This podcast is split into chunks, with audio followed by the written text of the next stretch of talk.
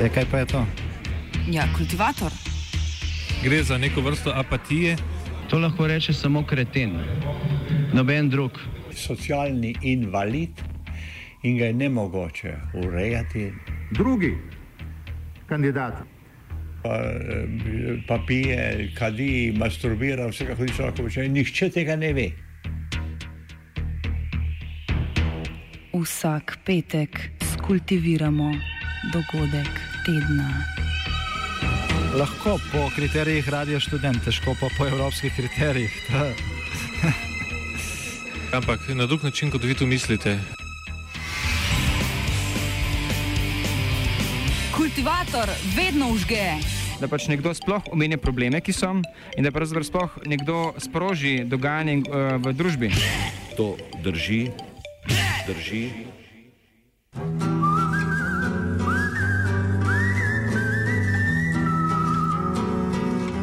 Drobljenje prek morske fosilne gibanice. V ponedeljek je odstopil generalni direktor Agencije Republike Slovenije za okolje, krajše Arso Joško Knes. Njegov odstop so sprožile ugotovitve poročila Komisije za notranji nadzor, ki ga je naročil ministr za okolje in prostor Jure Leben zaradi sumov, da se nad zaposlenimi na Arso izvaja pritisk v dveh postopkih, ki jih trenutno vodi Arso. Oba omenjena postopka sta povezana z družbo GeoEnergo in britansko družbo Ascent Resources, ki si že od leta 2011 prizadevata za večje izkoriščanje nahajališča zemeljskega plina v Petišovcih v občini Lindava. Družba GeoEnergo je v polovični lasti Petrola in polovični lasti družbe Nafta Lendava. Družba Ascent Resources je registrirana na britanskih Deviških otokih in upravičena do večine dohodkov od prodaje plina, ki prihaja iz Petišovcev. Svoj delež je družba kupila od dubajske družbe Nemoko za 150 tisoč evrov.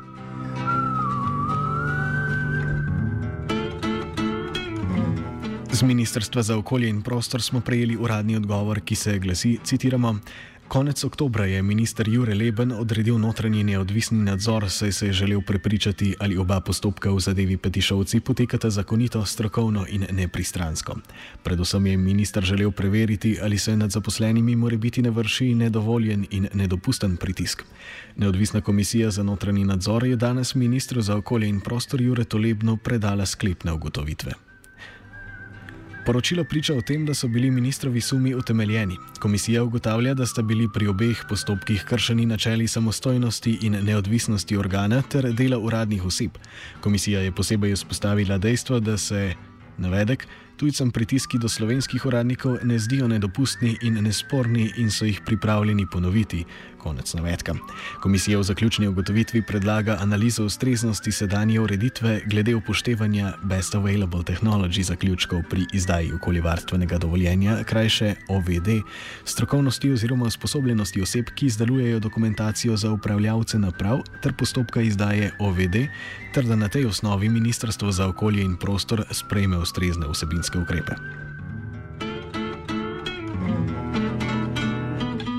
Direktor agencije RS za okolje in prostor Joško Knes je ministru ponudil svoj odstop. Ministr je odstop sprejel, ugotovitve komisije bodo posredovane pristojnim organom. Tudi vsi pritiski, ki so bili tekom poteka notranjega nadzora storjeni napram vodstvo MOP ali zaposlenim, so bili neznanjeni pristojnim organom. Konec citata. Odstopu generalnega direktorja Arsa Joška Kneza in medijski osvetlitvi apetita po prekmorskem plinu, ki ga je spremljala, so sledile tudi anonimne tviterske grožnje ministru za okolje in prostor Jure Tolebnu. Grožnje so domnevno na naslovili delničari britanske družbe Ascent Resources, v Gorgnesu pa sicer to zanikajo.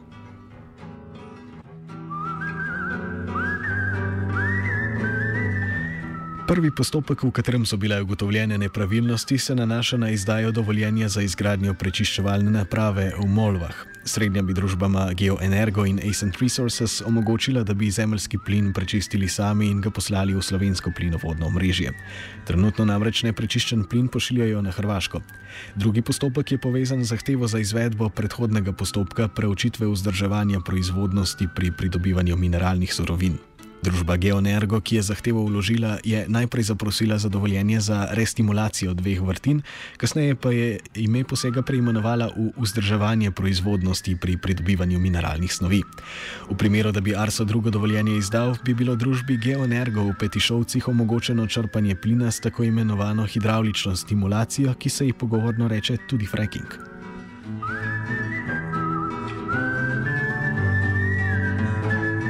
Družba Ascent Resources trdi, da je v petišovski projekt uložila že 50 milijonov evrov in da je zaradi slovenskega birokratskega zavlačevanja na veliki izgubi.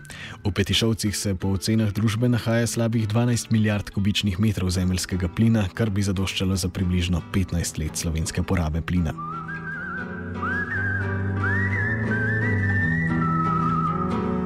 Fracking je metoda pridobivanja zemljskega plina s pomočjo hidravličnega drobljenja, v zadnjih nekaj letih pa je dobila izredno negativen prizvok.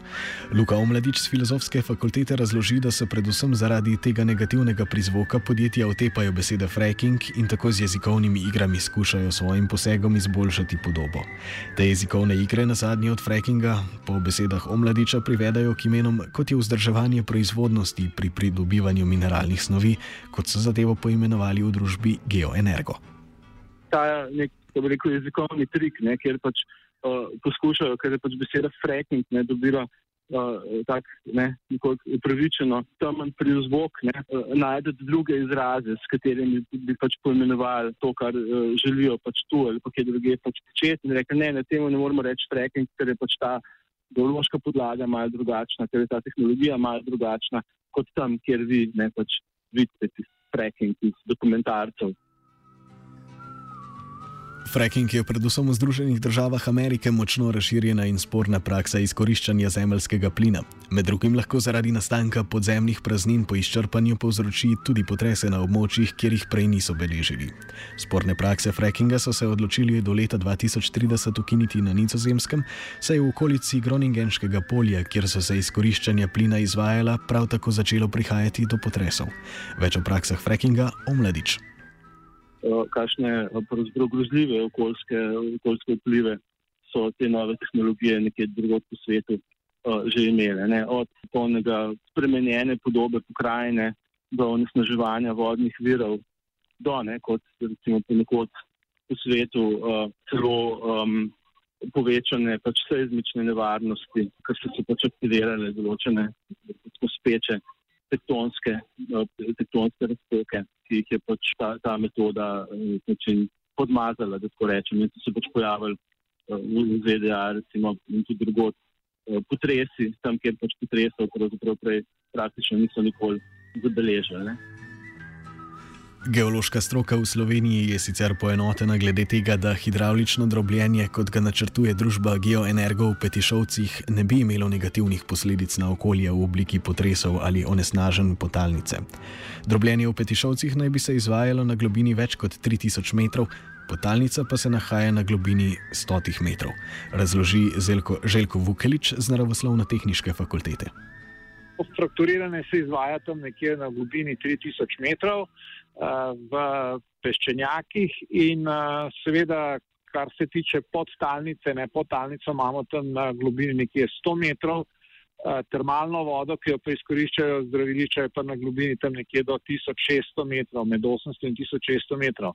Zato pač ocenjujem, da ne bi bilo nobenih negativnih vplivov na okolje. Ne. Edina razlika bi bila ta, da bi se pač v danem trenutku povečale količine črpanja plina na Petišovskem polju. Prav tako je načrtovano črpanje v precej manjšem obsegu kot tisto, ki se dogaja v Združenih državah Amerike, dodaja Vuklič. Ta nahajališča, ki ste jih omenili, tako v Ameriki ali pa na Nizozemskem, pač ne moremo primerjati z nahajališči, ki so tu na Petišovskem. Moramo vedeti, da so ta nehajališča na Petišovskem polju a, plina so relativno majhna v primerjavi s temi, ki ste jih omenjali. Ne. Tako da tudi neki potresni učinki, ki so se tam pojavljali, bodi si zaradi frackinga ali pa za zelo velike količine plina, ki so bile izkoriščene iz teh plasteh. Lahko so tudi ta nehajališča bolj plitvo, tako da je to več dejavnikov. Ne. Vendar, da bi pa na tem področju Petišovskega polja prišlo zaradi frackinga do nekih uh, potresov oziroma tresenja tal, pa enostavno ni mogoče.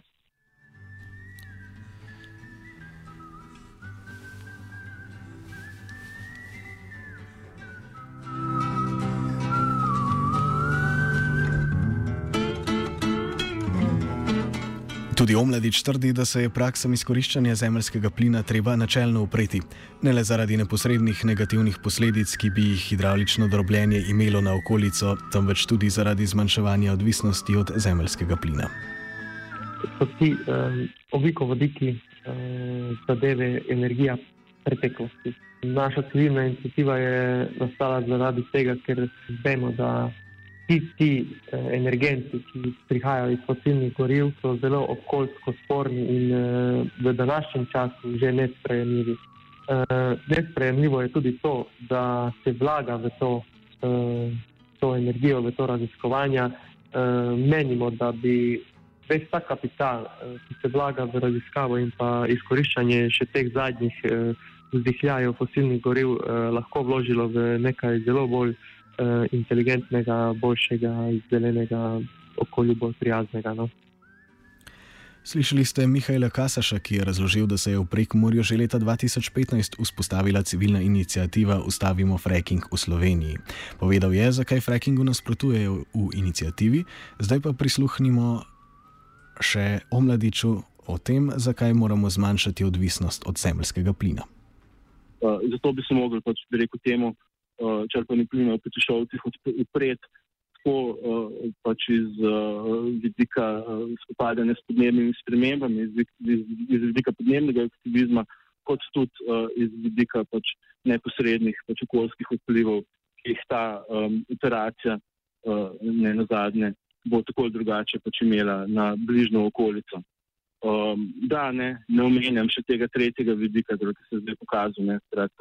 Uh, veliko vprašljivosti, če bi do tega prišlo, kakšna bi sploh bila finančna korist ne, za, in za Slovenijo in za bližnjo okolico, glede na to, da uh, je pač subjekt uh, tega črpanja um, uh, mednarodna korporacija, oziroma bolje rečeno, mednarodni korporativni um, poštni nabiralnik, v katerega se zbira pač kapital uh, iz, iz tega sveta, ki pač hoče uh, tukaj delati profit.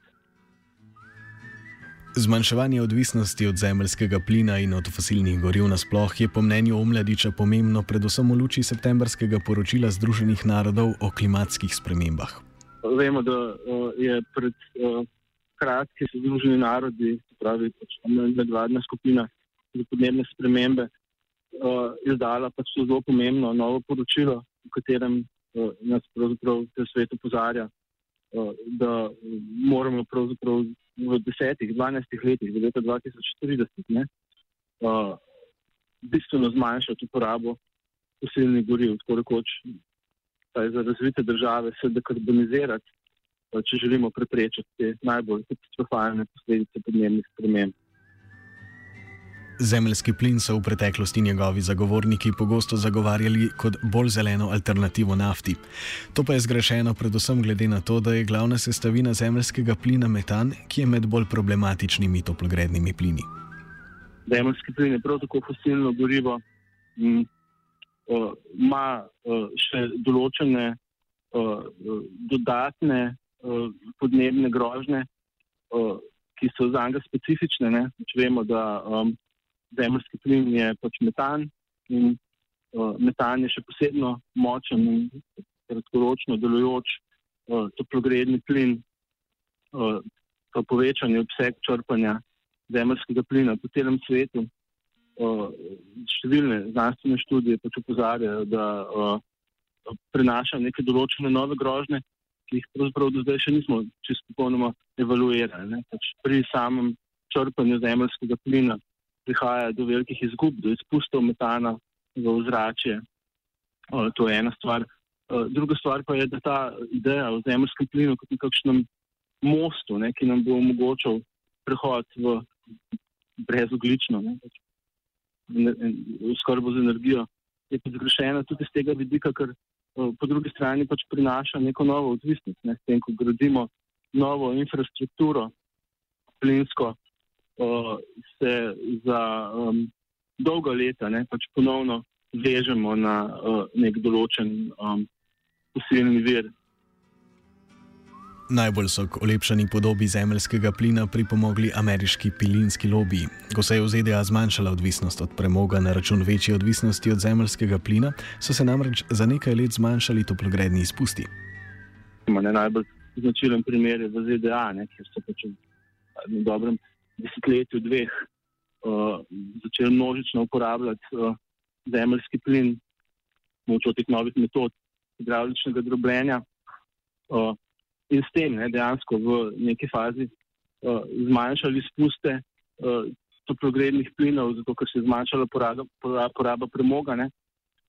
Po drugi strani so seveda se uh, s tem nastale velike nove pač, uh, pozicije moči, uh, plinski lobiji, ki so prav tako, uh, lobiji fosilnih goriv, kot premogovni lobiji, jasno, ne, pač zdaj uh, bojo predstavljali veliko vero temu, uh, da bi pač v prihodnosti prišlo do razogličenja, torej tudi razplinjanja.